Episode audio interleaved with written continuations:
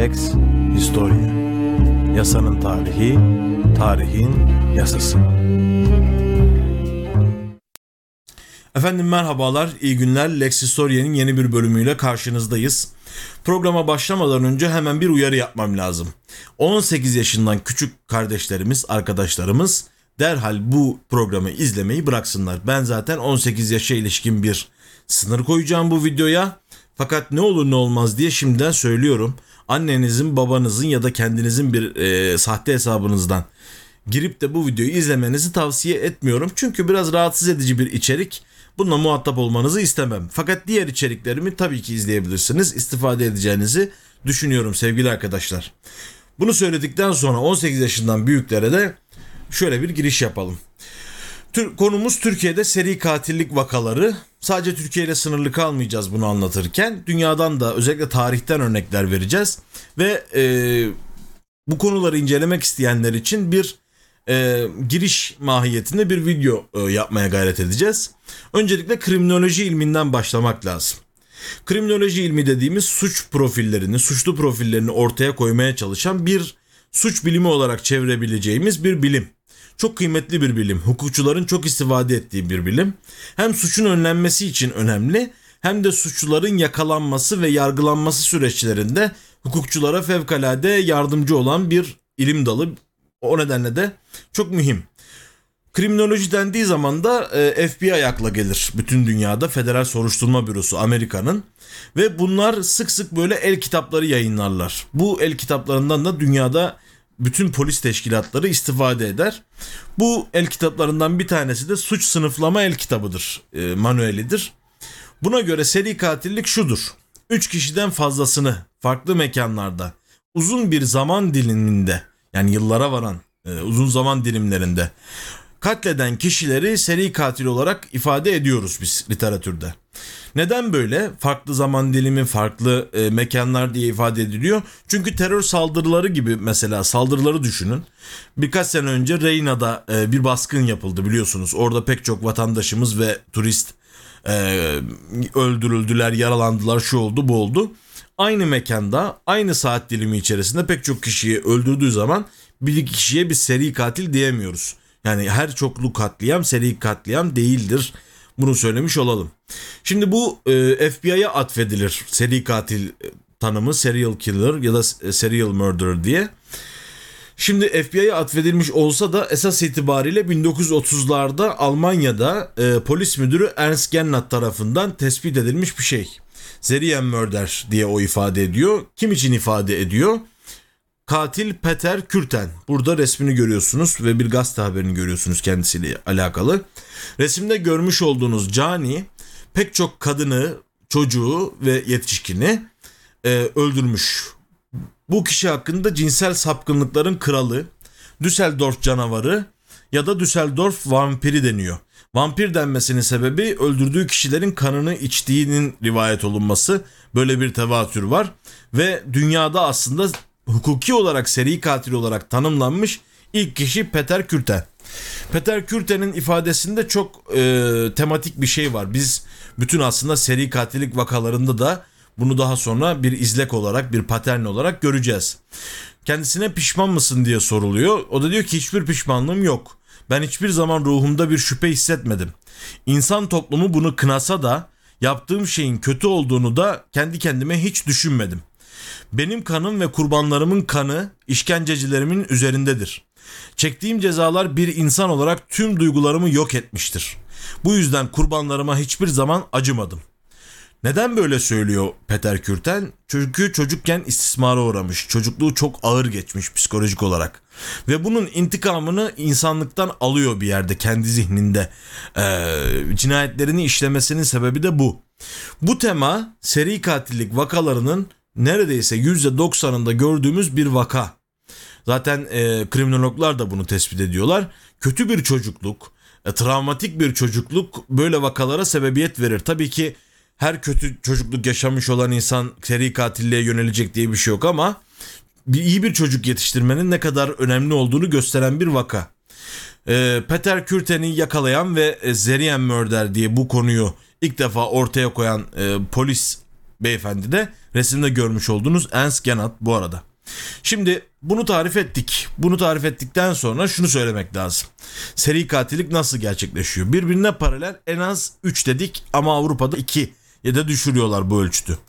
Bu seri katiller durdurulana kadar öldürme eğilimindeler. Yani kendilerini polis yakalayana kadar öldürme eğilimindeler.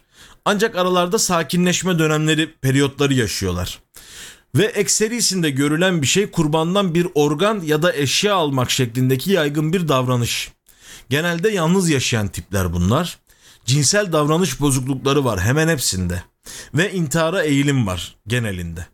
Hafızaları zayıf, gerçeklerle yüzleşmek istemeyen insanlar zaten o vicdan azabı duymamaları ve bir seriye bağlanmış şekilde bu cinayetleri işlemelerinin sebebi de bu. Ve hayvanlar üzerinde şiddet uyguluyorlar. Bakın burası çok önemli. O şeyin tabiriyle, meşhur tabirle. Burası çok önemli. Neden? Çünkü Türkiye'de de hayvan cinayetlerinin çok arttığını görüyoruz son yıllarda. Ee, bu yabana atılacak bir şey değil. Zaten seri katillik bir toplumsal hastalığın belirtisi. Bu toplumsal hastalığın da hayvanlara yöneliyor olması e, seri katil olabileceklerini gösteriyor bu kişilerin ileride. Yani ilk olarak hayvanlar üzerinde bu tarz deneyler yapıyorlar genel olarak. Buna dikkat etmek lazım. Cinayetin şimdi bu insanlar hasta mı?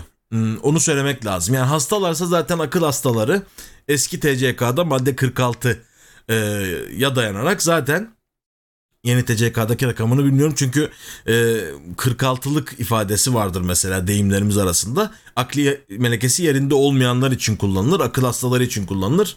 Yani bir akıl hastası cezai e, müeyyideye uğramaz. Cezai sorumsuzluk halidir. Fakat seri katilleri biz bu bağlamda değerlendirmiyoruz. Çünkü seri katiller ne yaptıklarının çok farkındalar. Cinayeti planlarken de ne yaptıklarının farkındalar. Ve genel manada bir iktidar ve güç alanını tatmin yönünde bir eğilimleri var. Özellikle bu bağlamda şiddette çok eğilimliler zaten. Söylemeye bile gerek yok ve cinsel içerikli videolara bağımlılar. Bu da yaygın bir tema. Mesela 2016 yılında yakalanan e, Atalay Filiz vardı. Bu Müge Anlı'ya falan da çıkmıştı. Onun elinde e, yetişkin filmlerinde oynayan yıldızların bir listesinin olduğu tespit edildi. Yani böyle bir durum var. Seri katilliği kimyasal veyahut genetik bir takım sebeplere bağlayanlar da var. B tipi kimyasal dengesizlik ya da fazla kromozom sebebiyle olduğunu söyleyenler de var ama bu konuda tam bir aslında e, deney ortaya konmuş değil. Bir de seri katil tipleri var. Son olarak da onları söyleyelim. Hayalci tipler vardır mesela seri katiller arasında. Bunlar ilahi ya da şeytani bir çağrının kendilerini bu cinayetlere sevk ettiğini söylerler. Mesela Herbert e, Mullin Vietnam Savaşı'nda ölen Amerikalı askerlerin Kaliforniya'yı büyük bir depremden koruduğuna inanmış bir şekilde. Savaş sona erdikten sonra e, babasının kendisiyle telepatik bir ilişki kurarak ona doğaya bir miktar insan kurbe, kurban etmesini emrettiğini söylüyor. Ve bu bağlamda da e, bu, bu sayede Kaliforniya'nın işte depremden böyle okyanusa gömülmekten engelleneceğine falan inanıyor. Ve bu meyanda da cinayetler işliyor. Yine e, David Berkowitz, Seminoğlu da David diye de biliniyor. Şeytani güç güdümlü olarak cinayet işleyenlerden bir tanesi. Göya iblis ona komşunun köpeği aracılığıyla kimleri öldüreceğini söylüyormuş. Yani böyle bir tema var. Bir başka tema görev bir başka tip diyelim göreve dayalı tip. Bunlar da insanlığı kurtarma eğilimindeler. Mesela Ted Kaczynski meşhurdur yine e, Anne Bomber diye bilinir. Üniversiteleri ve hava yolları endüstrisine hedef almış mesela bu manyakta. Kendi yazıp basına dağıttığı bir bildirisi var onun. O da şey diyor toplumu eski günlere döndürmek istiyorum. Teknoloji bizim hayatımızı mahvetti. İddiası da şu endüstriyel devrim ve getirdikleri bizim için bir felaket olmuştur. İddiasıyla hareket ediyor. Dolayısıyla bir insanlığı kurtarma teması da seri katillerde görülen bir hadise. Bunlar ne haz yönelimli olanlar olabilir. Planlamadan e, bu işte cinayeti planlamaktan, öldürmekten, kurbana işkence etmekten zevk alabilir. O zevki tekrar yaşamak için de tekrar ve tekrar bunları deneyebilirler. Bir de güce bağımlı insanlar vardır. Kurbanı kaçırırlar, acı çektirirler. Efendim e, bunlarda da hayat ve ölümü kontrol etme isteğinin baskın olduğunu görüyoruz biz. Bu vesileyle hayatı ve ölümü kontrol ettikleri vehmine kapılıyorlar. Bu, bu sınıflandırmanın yanında şu da var. Motivasyonu açık katiller var. Bunlar bir mantıklı motif içerisinde cinayet işliyorlar. Hep böyle belirli. Yani 30 yaşında kumral kadınları öldüren bir seri katili düşünün. Onun gibi. Bunlar aslında hemen öldürebilecek yöntemler seçiyorlar e, kurbanlarını ve kayboluyorlar ortalıktan. Motivasyona kapalı olanlar kurbanlarını tanımazlar ve yüzeysel olarak tanıyorlar en fazla. Fakat bunlar da cesetlerle ilgilenme, cesetler üzerinde bir takım fanteziler uygulama gibi eğilimleri var. Organize düzenli seri katiller var. Bunlar sadist. Genelde alkol uyuşturucu etkisinde bu cinayetleri işliyorlar ama son derece planlılar. Hatta düzenli bir aile hayatları olabilir. Nitekim Türkiye'de bu çok görülen bir profil. İyi bir hayatı olabilir ama organize ve düzenli olarak cinayet işler. Mesela kim vardı Türkiye'de? Osman Bora Çuhacı. Eğlence dünyasından e, bu cinayetlere başlamıştır. Bir seri katil. Süleyman Aktaş toplumda o çivili katil olarak bilinir. Elektrik akımına kapıldıktan sonra bu cinayetlere başladığını söyler. Zannederim aile babası falan bir tip. Yine o az evvel ismini geçirmiştim. Yakın tarihlerde yakalanan Atalay Filiz de aslında Fransa'da eğitim almış, ailesi zengin falan bir tipti. Dolayısıyla seri katil dediğimizde her zaman böyle underground tipler aklınıza gelmesin. Organize düzenli bir seri katilden bahsediyorsak e, çevremizdeki sıradan bir insan bile olabilir. Organize düzensizler ani saldırı dürtüsüyle hareket ediyorlar. Ölümden sonra cinsellik, bedeni açıkta bırakma gibi eğilimleri var fakat akli dengeleri bozuk olduğundan kolayca yakalanıyorlar. Dediğimiz gibi böyle bir profil seri katillik profili. Peki tarihte ilk seri katiller kimler olabilir? Şimdi biz kriminoloji biliminden aldığımız bu bilgilerle tarihe bir projeksiyon yapacağız. Bunlardan ilkini şöyle söyleyelim. 16. yüzyılda yaşamış Kontes Elizabeth Batroy e, de Edset. Bu bir Macar asilzadesi. Böyle uzunca bir ismi olduğundan belli zaten. Transilvanya prensinin yeğeni. Burayı hatırlayacaksınız. Kont Drakulası ile meşhur e, memleket. Zaten bu kadının e, Kontes Elizabeth'in Bram Stoker'ın e, Dracula adlı eserine de ilham kaynağı olduğu söyleniyor. Yani bu bir iddia tabii ki ne kadar olduğu tam tespit edilebilmiş bir şey değil ama Bram Stoker zaten Transilvanya teması, o vampir teması dediğimiz zaman e, yani çok da uzakta olmayan meseleler muhtemelen bu da bir motif olarak Bram Stoker'ın Dracula'sında yer alıyor diyebiliriz. Bu kadın kendi hizmetçisinin ihbarıyla ortaya çıkıyor. Hizmetçisi Susanna Jacob Sizilyassi adında bir hanım. Ve yaklaşık 300 tane tanığın ifadesine göre 600 civarında genç kıza işkence etmiş ve ölümlerine sebebiyet vermiş bir kadın. Hele bir de Transilvanya asilzadelerinden olunca bu olay çok dikkat çekiyor. Macar kralı Mateas'ın görevlendirdiği Turzo, Kontes'in şatosunda incelemeler yapıyor. Yanlış hatırlamıyorsam Bram Stoker'ın bir filminde bir uyarlama vardı.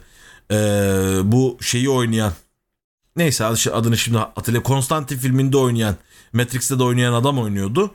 Ve bir e, şeye giriyordu. Vampirin şatosuna giriyordu. Bir inceleme yapıyordu. Tam o sahne gibi yani. E, Turzo diye bir vezir var ve onun adamları. Ya bizim tabirimizle vezir diyorum. Ve onun adamları bir inceleme yapı, yapıyorlar. Ve bu inceleme sırasında daha henüz can çekişmekte olan kızlara denk geliyorlar. Bu resimde görmüş olduğunuz Elizabeth Bathory'nin kan banyosu yaptığı söyleniyor. Bu tabii bir halk anlatısı. Tanıkların ifadelerinde yok. Bundan yaklaşık 100-120 sene sonra o tanık ifadeleri de yayınlanmış. Oralarda yok ama halk anlatısı kan banyosuyla Elizabeth'i birleştirmiş. Fakat tabi bu cinayetin, bu cinayetlerin daha doğrusu seri cinayetlerin bir seri katillik vakası olup olmadığı şaibeli. Hatta bu cinayetlerin işlenip işlenmediği de şaibeli ama Şayet anlatıldığı gibi ise biz Elizabeth Batro'yu bir seri katil olarak ifade edebiliriz. Neden şaibeli diyorum? Çünkü o dönemde Katolik Habsburgların e, kontrol alanında olan bir bölge bu. Ve, ve e, bir iftira olduğunu, bir komplo teorisi olduğunu söyleyenler var. Çünkü bu kadın Kalvinistmiş. Yani o dönemki protestanlardan yani o cadı iftiraları gibi bir iftira olma ihtimali de var ama ne olursa olsun halk anlatısına geçmiş kan banyosu figürü bugün Romanya'da halen yaşayan bir figür. Bu birinci vakamız diyebiliriz. İkinci vakamız daha enteresan. Dünyada en çok kişiyi öldürmüş seri katil olarak biliniyor. Eşkıyalar Kralı Behram. Şimdi e, Hindistan'da bir tag denen bir eşkıyalık kültürü var. Biz daha belki yayınlarda mafyada da anlatmıştık bir eşkıyalık temasının eşkıya kültlerinin e, oluştuğunu bazı bölgelerde ifade etmiştik. Nitekim Hindistan'da da varmış ve Sihler arasında herhalde bu yaygın olsa gerek çünkü e, Behram bir Sih yani Sih dinine mensup diyelim ve Uttar Pradesh bölgesinde Sihlerin yoğun yaşadığı bölgede 931 kişiyi beyaz bir tülbentle rumal denilen beyaz bir tülbentle boğarak öldürmüş bu herif. Ve yakalanıyor. 1840'da da Doğu Hindistan şirketi tarafından idam ediliyor. Bu resimde de kendisine ait bir tasvir var. Burada enteresan bir bilgi vereyim Behram'dan bahsetmişken. Dedik ya Hindistan'da eşkıya kültlerine, mafya tarikatlarına diyelim ya da tag deniyor. Bugün Tag Life diye böyle capsleri falan yapılan bir mesele var biliyorsunuz e, internette. Oradaki tag kelimesi İngilizce'deki birebir Hindistan'dan alınmış bir kelime. Dediğimiz gibi Behram da dünyada en çok kişi öldürmüş seri katil olarak ifade ediliyor. Ama e, yukarıda yaptığımız profillemeye bakarak aslında Behram'ı pek seri katil olarak ifade edemeyiz. Çünkü adam zaten eşkıya ve bir eşkıyalık faaliyeti içerisinde insanları öldürüyor. Yani burada bir seriden bahsetmek bence pek mümkün değil ama e, literatürde en çok kişi öldüren seri katil olarak kendisinden bahsediliyor. Yine başka bir isim Gilles Rais, Fransa'da bu da. E, Jean d'Arc'ın, meşhur Jean d'Arc'ın silah arkadaşlarından. Bu kişi de pek çok çocuğu öldürdü. Özellikle çocuklar üzerine eğildiği e, ifade ediliyor. Ve 1440'da da Nantes'te asılıyor. Bu da Fransız halk anlatısına geçmiş e, mavi sakal diye ifade edilen bir şey var. Bu aynı Binbir Gece masallarını okuduysanız oradan bilirsiniz. Binbir Gece'de kral ya da işte sultan evlendiği kadınları öldürmek gibi bir eğilimin içinde. Kadın da beni öldürmesin diye Binbir Gece masal anlatıyordu. Bu mavi sakal da aslında onun bir uyarlaması ama e, bu Jil Döre'den çok ifa, istifade edildiği söyleniyor. Yani bu temanın oluşturulmasında, eşlerini öldüren mavi sakal temasının oluşturulmasında. Bu da halk anlatısına geçmiş ama Buna seri katil diyebiliriz çünkü hep çocukları öldürdüğü ifade ediliyor. Ama bu cinayetleri gerçekten işleyip işlemediği meçhul. Neden meçhul derseniz bir defa Jandark'ın arkadaşı. Yani bir siyasi mesele olma ihtimali var. Ve e, bu bağlamda da şunu da söylemek lazım. E, çocuk katliamı, çocuk kayıp çocukların birine yamanması olayı çok yaygın bir temadır. Özellikle eski tarihlerde. Mesela Yahudilerin yaşadığı her yerde kan iftirası diye bir şey vardır. Çocuklar kaybolur. E, eskinin zaman şartları yani ormanda yürüyüşe çıkıyor. Bir şekilde kuyulara düşüyor. Eşkıya kaçırıyor. Şu oluyor bu oluyor. Çocuklar kayboluyor. Kayıp çocuklardan dolayı birilerinin suçlanması lazım. Ve genelde böyle sivrilmiş tipler, dikkat çeken tipler derhal ilk suçlanacak tipler olurlar e, Yahudi tarihinde de çok acı hadiselere sebebiyet vermiştir kan iftirası. Bizans'ta da çok yaygıdır mesela. Yahudiler çocukları kaçırdı. Bu çocukların kanından hamursuz ekmeği yaptı diye iftira atarlar. Osmanlı döneminde bile bu iftiralar devam etmiş. Kanuni bu konuda bir ferman yayınlamış kan iftirasının ciddiye alınmaması konusunda. Yani böyle bir önemli bir hadise. Dolayısıyla Gilles belki bu konuda iftiraya uğramış olabilir. Ama e, yeryüzünü iyi yönde ya da kötü yönde etkileyecek pek çok icat gibi gerçek manada bir seri katilden bahsedeceksek e, elbette İngiltere'ye gideceğiz ve karın deşen Jack'ten bahsedeceğiz. Filmlere de konu olmuş, romanlara da konu olmuş bir tip bu biliyorsunuz. Victoria İngiltere'sinde 5 tane fahişeyi öldürüp kayıplara karışmış ve hiçbir zaman bulunamamış. Karın deşen denmesinin sebebi künt bir nesneyi öldürdüğü kişilerin vücuduna e, sokması ve karınlarını yarması sebebiyle e, çok zirveye ulaşmış ve yakalanmamış ilk seri katildir. E, daha sonra mesela 1960 sonlarında da halen yakalanamayan Zodiac Killer diye bir katil vardır mesela Amerika'da. Çünkü seri katiller genelde yakalanırlar bir noktadan sonra. Yani yoksa o cinayetler birbirleriyle irtibat kurulamazsa, başa dönelim kriminoloji doğru işletilemezse e, bir takım faili meçhuller, meçhuller olarak kalabilir. Mesela Asayiş Polder'de bugün pek çok kayıp ceset var. Yani onların ne şekilde öldürüldüğü doğru değerlendirilemezse seri cinayet olup olmadığını anlayamayız. Dolayısıyla Karın Deşencek bu konuda profillemesi yapılmış ama yakalanmamış ilk seri katil. Aslında Karın Deşencek'le aynı yüzyılda hatta belki biraz daha ondan önce e, Holmes diye birinin bir sigorta şirketine kayıtlar yaptırdığı Ve bu kayıtlarda işte ölüm sigortası, hayat sigortası yaptırıyor. Ve birilerini öldürüp onların cesetlerini işte ben bu kişinin yakınıyım, ölen kişinin cesedi de burada ve poliçedeki tazminatı bu şekilde alıyor. Böyle korkunç bir hadise ve ceset temin etmedeki başarısıyla doğru orantılı olarak zenginleşmiş bir adam. Fakat o da yakalanıyor ve 7 tane toplam cinayet işlediğini itiraf ediyor. Bu da bir seri cinayet olarak ifade edilebilir ama bizim o e, daha önceden ifade ettiğimiz hastalıklı patern pek bunda yok. Yani bu bir aslında menfaati için birilerini öldüren bir tip olarak ifade edebiliriz ama Karın Deşencek tam bu profile uyuyor. Yani Victoria döneminde Victorian ahlaktan bahsediyoruz. Çok katı bir ahlak ve gidip fahişeleri öldürüyor. Ki zaten öldürdüğü e, semt de şu an ismi hatırımda değil ama öldürdüğü semt de hep aynı semtte öldürüyor. E, Rusya'daki pogromdan oraya gitmiş Yahudilerin ve bir kısım göçmen İrlandalı'nın yaşadığı bir yer. Dolayısıyla böyle tam seri katil temasına uyan bir tip. Nitekim bu seri katil vakalarının İngiltere'de yaşanması Sherlock Holmes'a da ilham kaynağı olmuş. Çok enteresan bir şeydir. Sherlock Holmes bu bahsettiğimiz kriminoloji ilminin bir yerde yükselmesi ve e, daha detaylanmasına çok katkıda bulunmuştur. Yani edebiyat deyip yabana atmamak lazım. Hatta Forensic Science Adli Bilimler Akademisi'nde İngiliz Kraliyet Kimya Derneği e, tarafından onursal üyelik ünvanıyla ödüllendirilmiş Sherlock Holmes bir kurgu karakter olarak. Yani Kimya Derneği'nin adli bilimler e, alt kategorisinde böyle ödüllendirilmiş. Neyse efendim biz biraz daha tarihi ileri alalım. Ee, dediğimiz gibi ilk defa yakın tarihte seri katil olarak ifade edilen kişi de Ted Bundy. Yani e, Peter Künter aslında olması daha doğrudur ama bugün literatürde Amerika merkeze gittiği için her şey Ted Bundy de aslında ilk defa Amerika'da seri katil olarak ifade edilip cezalandırılmış kişi olarak biliniyor. Çok aslında zeki genç bir adam bu. Fakat bunda da e, bir şey yok. Yani derin ve mistik bir tatmin duyuyor cinayetlerden. Çok fazla cinayet işlediği, 30'dan fazla cinayet işlediği düşünülüyor. 74 yılından itibaren. Yani 74-78 arasında. 7 eyalette ayrı ayrı zamanlarda cinayetler işliyor. Dolayısıyla 74 öncesinde cinayet olup olmadığı bilinmediği için rakam tam tespit edilemiyor. Ve ee, zaten ilk yıllarında amatör ve düşüncesiz hareket eden bir katildim diye kendisi ifade etmiş. Dolayısıyla 1974'ten önce de e, katliamlarda bulunmuş, insanları öldürmüş olması muhtemel. Bunun şeyi çok enteresan. Ben onu da bir anekdot olarak aktarayım. Yargılamasında idamından önce kendisine hakim şunu söylüyor. Genç adam kendinize iyi bakın. Bunu samimi olarak söylüyorum. Kendinize iyi bakın. Şu anda yaşadığımız gibi bu mahkeme salonunda insanlığın tamamıyla heba edildiğine tanık olmak bu salondakiler için trajedidir. Pardon. Zeki genç bir adamsınız, iyi bir avukat olabilirdiniz.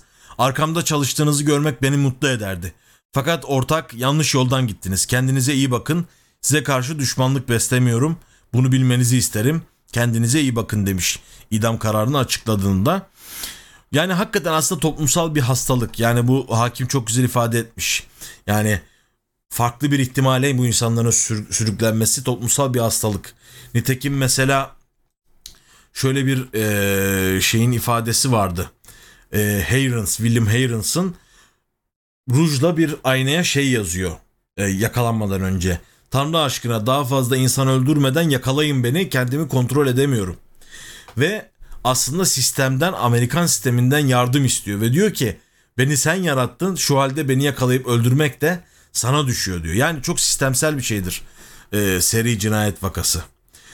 Şimdi efendim biz artık yavaş yavaş memleketimize gelelim. O da e, Charles Manson'ı gördük. Neyse onu detaylandırmayalım daha fazla. Biz de seri katil profiline uyabilecek ilk kişi tam olarak kurgusal olup olmadığını bilmediğimiz biri. O da Forsa Halil. E, meşhur tarihçimiz ve e, üstadı Ekrem'imiz Reşat Ekrem Koçu.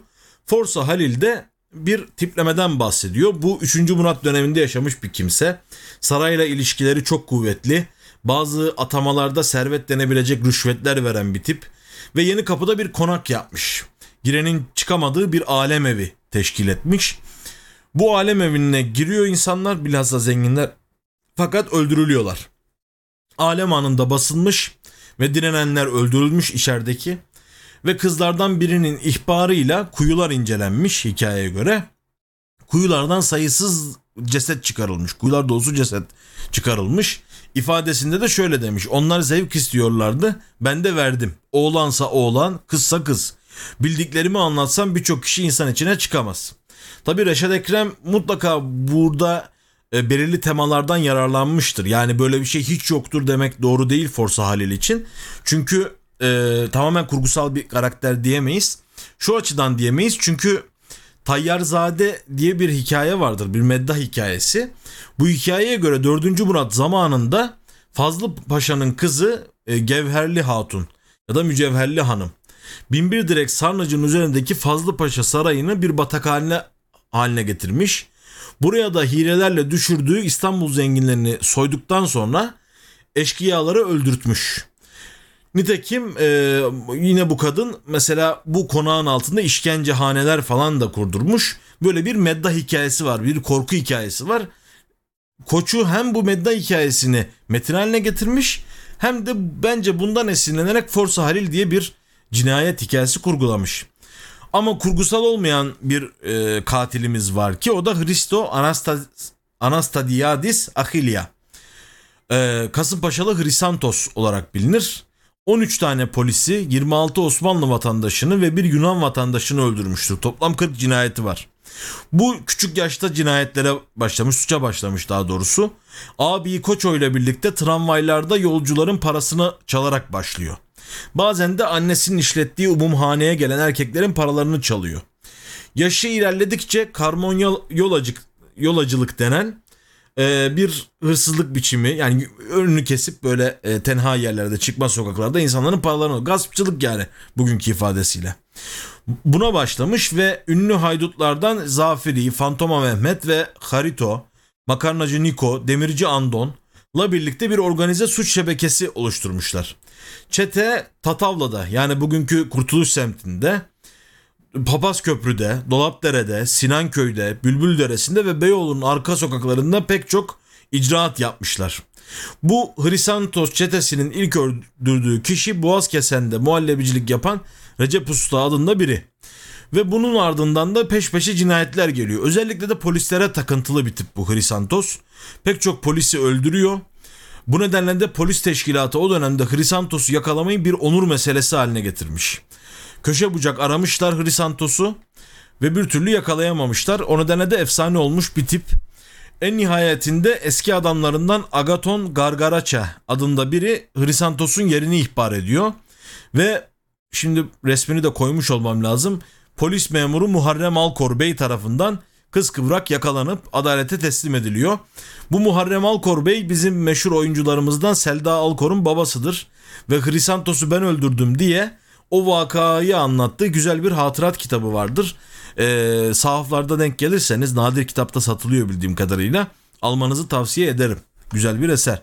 Onun da yardımcısı Cafer Tayyar Bey e, Hrisantos'u yakalayanlardan bir diğeri. Bu Cafer Tayyar Bey de Cibali Karakolu'daki komiser Cafer'e esin olduğu söylenir. Bir parantez içinde onu da söylemiş olalım. Tabi Hrisantos meselesi böyle. Fakat Hrisantos'u ben daha sonra daha geniş bir programda incelemeyi düşünüyorum o bütün süreci. Çünkü bence bir seri katil değil Hrisantos. Bu profile uymuyor. Adam zaten çete lideri. E, çetesinin faaliyetleri içerisinde kaçmak için polis öldürüyor. Haraç almak için insan öldürüyor. Nam yapmak için insan öldürüyor. Dolayısıyla buna ben seri katil denmemesi taraftarıyım. Türkiye'de de gerçek manada ilk seri katil Çumra canavarı bence. Konya'da e, bu şahıs cinayetler işliyor. Bu kendi halinde bir rençber.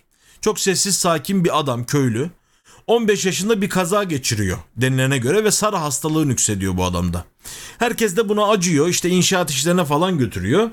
Ve sık sık da böyle bir kahvede tek başına oturuyor. Kimseyle arkadaşlık etmiyor. Bir tek böyle yaşlı insanlarla konuşmayı adet edinmiş. Hatta böyle bir yaşlıyı bulduğu zaman uzun uzun sohbet ediyormuş. Etraftakiler de ha Abdullah kendine göre bir arkadaş buldu diyorlarmış.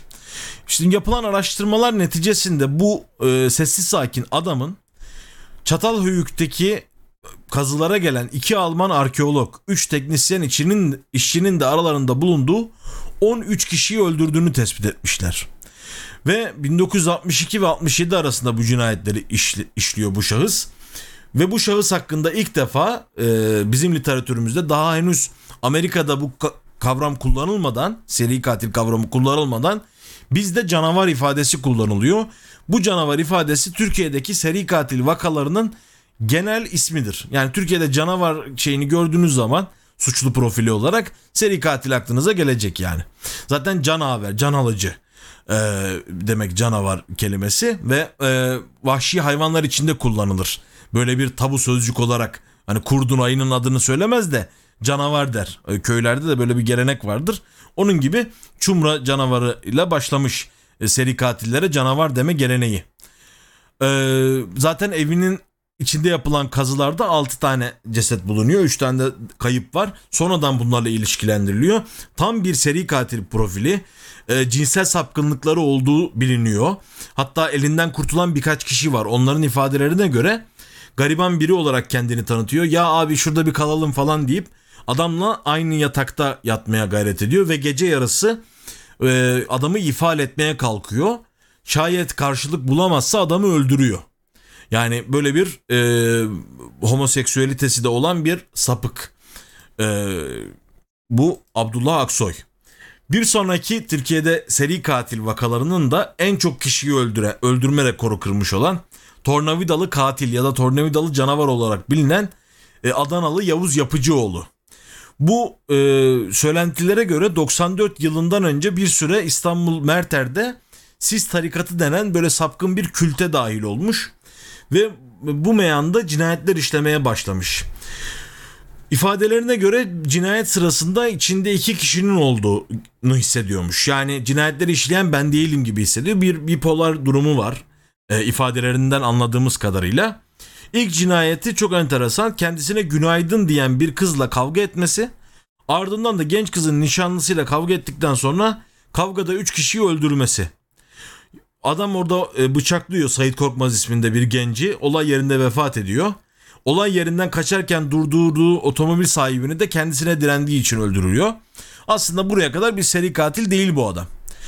Bakırköy Ruh Sinir Hastalıkları Hastanesi'ne getiriyorlar. Zaten her suçlu yakalandığı zaman önce bir e, akıl sağlığı muayenesi yapılır. Hani çünkü cezasızlık hali var dedim ya madde 46 kapsamında eski TCK madde 46. E, ona bakılır yani. E, bu da yapıldığında ben İsa'yım diyor incelemeler sırasında. Ve koğuş arkadaşlarına falan o diğer e, akıl hastalarına da saldırmış. Ve o nedenle adı deliye çıkıyor bir şekilde katil profilini yapamıyorlar işte. Kriminologlar tam olarak çalışamıyor burada. Biraz daha kriminoloji ilmi burada tetkik edilseydi belki bu adam o tarihte yakalanacaktı. Yani seri katil olduğunu tespit edemiyorlar. Çünkü 3 tane adamı rastgele öldürmüş gibi duruyor o anda. Bu da kaçıyor. Ee, ondan sonra kaçtıktan sonra e, tornacılık yapan Özcan Karagözoğlu'nu so- ve sokakta karşılaştığı 43 yaşındaki Şakir Temirci'yi ondan sonra e, Tonguç Camii'nde sabah namazı kılmakta olan İmam Salih Baş'ı e, Salih Baş'ı yaralıyor diğerlerini öldürüyor. Ve zaten bu son vakası oluyor. Salih Baş'ı yaralayınca cemaat müdahale ediyor, engelliyor. Polis ekipleri aynı gün öğleden sonra sokakta yakalıyorlar Yavuz'u. Ve yakalandığı anda şöyle bir şey söylüyor. Tornavidayı attım, gizledim. Cinayetlerin sebebini kung fu biliyor diyor. Yani böyle bir acayip bir ifade kullanıyor. Zaten deli raporu daha önceden deli raporu almak için taklit yaptığı bilindiğinden onun böyle acayip ifadeleri çok dikkate alınmıyor. Mesela duruşma sırasında da benim işte ben gerçek Atatürk benim, bu ülkeyi ben kurtaracağım falan gibi e, ifadeleri de var. Netice itibariyle zaten e, totalde çevresindekilerin tanıklıklarına göre 42 kişiyi öldürmüş. Ancak bunların bilineni 18-17 tane cinayeti var. Türkiye'de de en fazla cinayet işleyen seri katil olarak bu şahıs kabul ediliyor. Şu anda e, birbirleriyle alakası tabii kişileri öldürmüş ama genel bir teması olduğu anlaşılıyor. İşte bu gerçek Atatürk benim demesinden, Mesih benim demesinden bir kurtarıcı figür gibi kendini öldürdü, gördüğü düşünülebilir. Ve bu bağlamda da 64 yıl kadar toplam ceza almış. E, müebbet diyebiliriz zaten 64 yıl bu adamın yaşamasını pek beklemiyoruz. E, umalım ki herhangi bir af vesaire çıkmasın. Zaten birazdan göreceğiz afla dışarı çıkan seri katiller de var. Bir başka seri katil e, Türkiye'de meşhur olmuş Artvin canavarı ya da baltalı katil olarak biliniyor bu adamda. Bu da çok enteresan. Yaşlı insanları öldürüyor sadece. Bu da tam bir seri katil profili. Ve diyor ki onlar bizim yerimize fazladan yaşıyorlar. Belki de bizim kısmetimizi yiyorlar. Hem kendimi tatmin ediyorum hem de onları öldürerek toplumu rahatlatıyorum. Yani bu kadar hasta bir düşünce.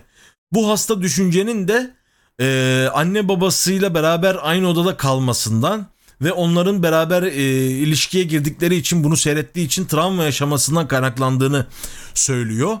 En son Hediye İpek adında bir e, hanımı öldürmeye çalışmış. Kadın bunun işte yaralıyor daha doğrusu bayıltıyor. Kadın ölmemiş meğerse. Bu da öldü zannedip kaçıyor.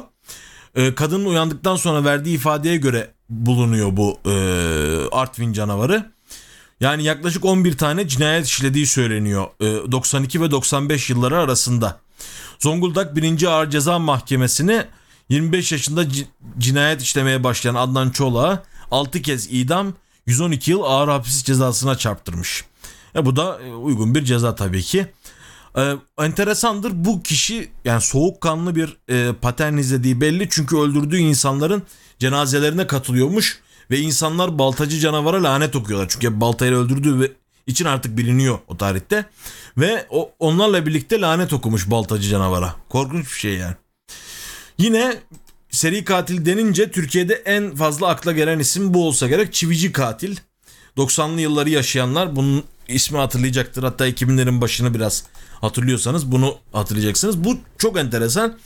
Bir şantiyede 31.500 voltluk bir elektrik akımı, akımına kapılıyor bu adam.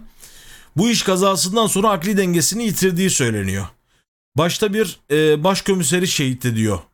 Ardından da e, Aflan şundan bundan çıkıp köyüne geri dönüyor ve Çamköy'e yerleşiyor Denizli'de. Burada 5 yıl kalıyor herhangi bir sorunsuz bir şekilde. Ondan sonra yaşlı bir çifti alınlarına çivi çakmak suretiyle yine bir kişiyi daha başına bu sefer çivi çakarak öldürüyor. Yakalanıyor ve e, akıl hastası olduğu tespit edildiği için Manisa Ruh ve Sinir Hastalıkları Hastanesi'ne yerleştiriliyor. Buradan da kaçıyor. Özür dilerim. Buradan da kaçıyor. Bu nedenle öyle korkmuş ki köylüler bu işte pek çok da cinayeti var dediğimiz gibi. Öyle korkmuş ki köylüler Çamköy'ü boşaltmışlar.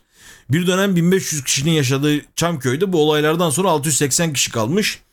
Nitekim bunda da yine bir seri katil paterni var. Çünkü görev bana yukarıdan geliyor. Zaten bu resimde görüyorsunuz röportajını. Görevler başarılıyla yapıldı diyor. Televizyonu izlerken Süleyman Demirel'in e, kendisine bakanlar kurulu toplantılarından sonra emir verdiğini falan düşünüyor bu. Böyle enteresan. Bu tam bir akıl hastası yani seri katile ama ya tam bir akıl hastası.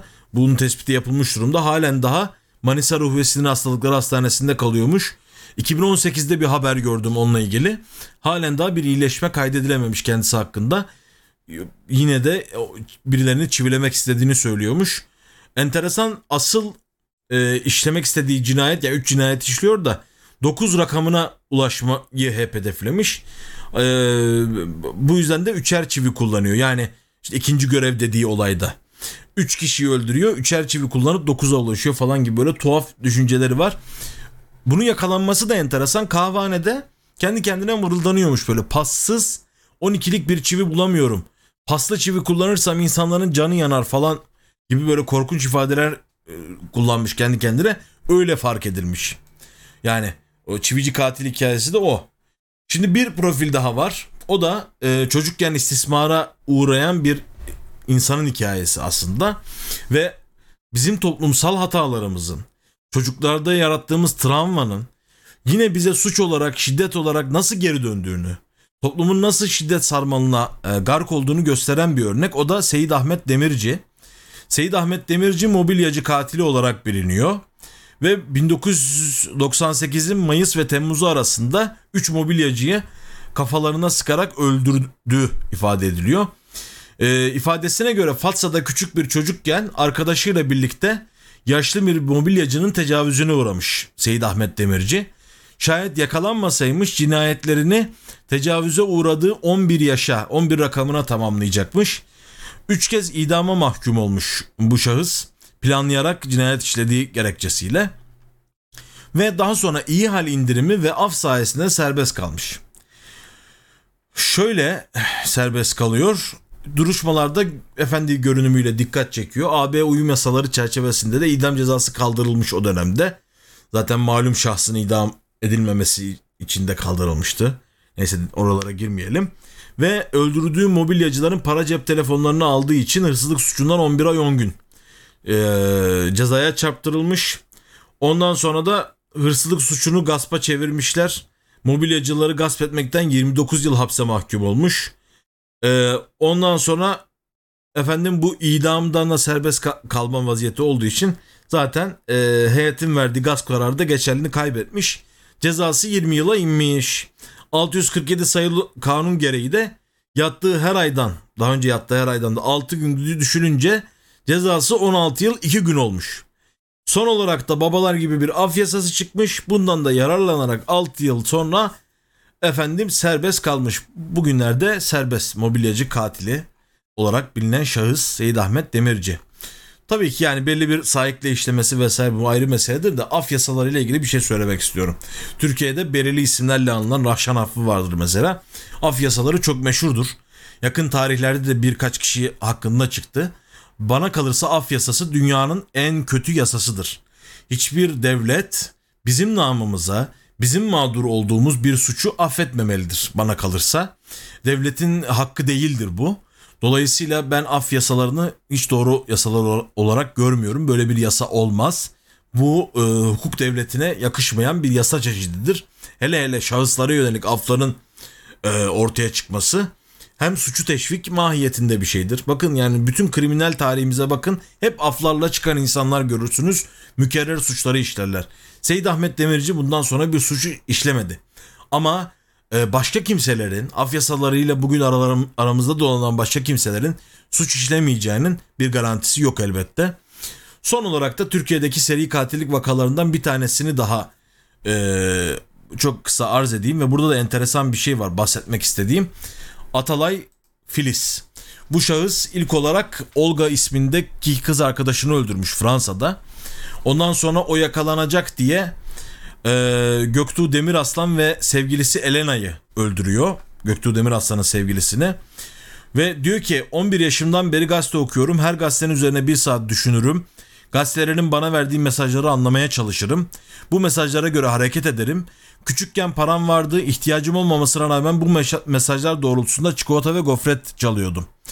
Nitekim e, Göktuğ Demiraslan ve sevgilisinde casusluk yapmaları sebebiyle öldürdüm diyor şifreli mesajlar aldığını söylüyor ve e, yanında çalışmaya girdiği bir öğretmeni de öldürmüş.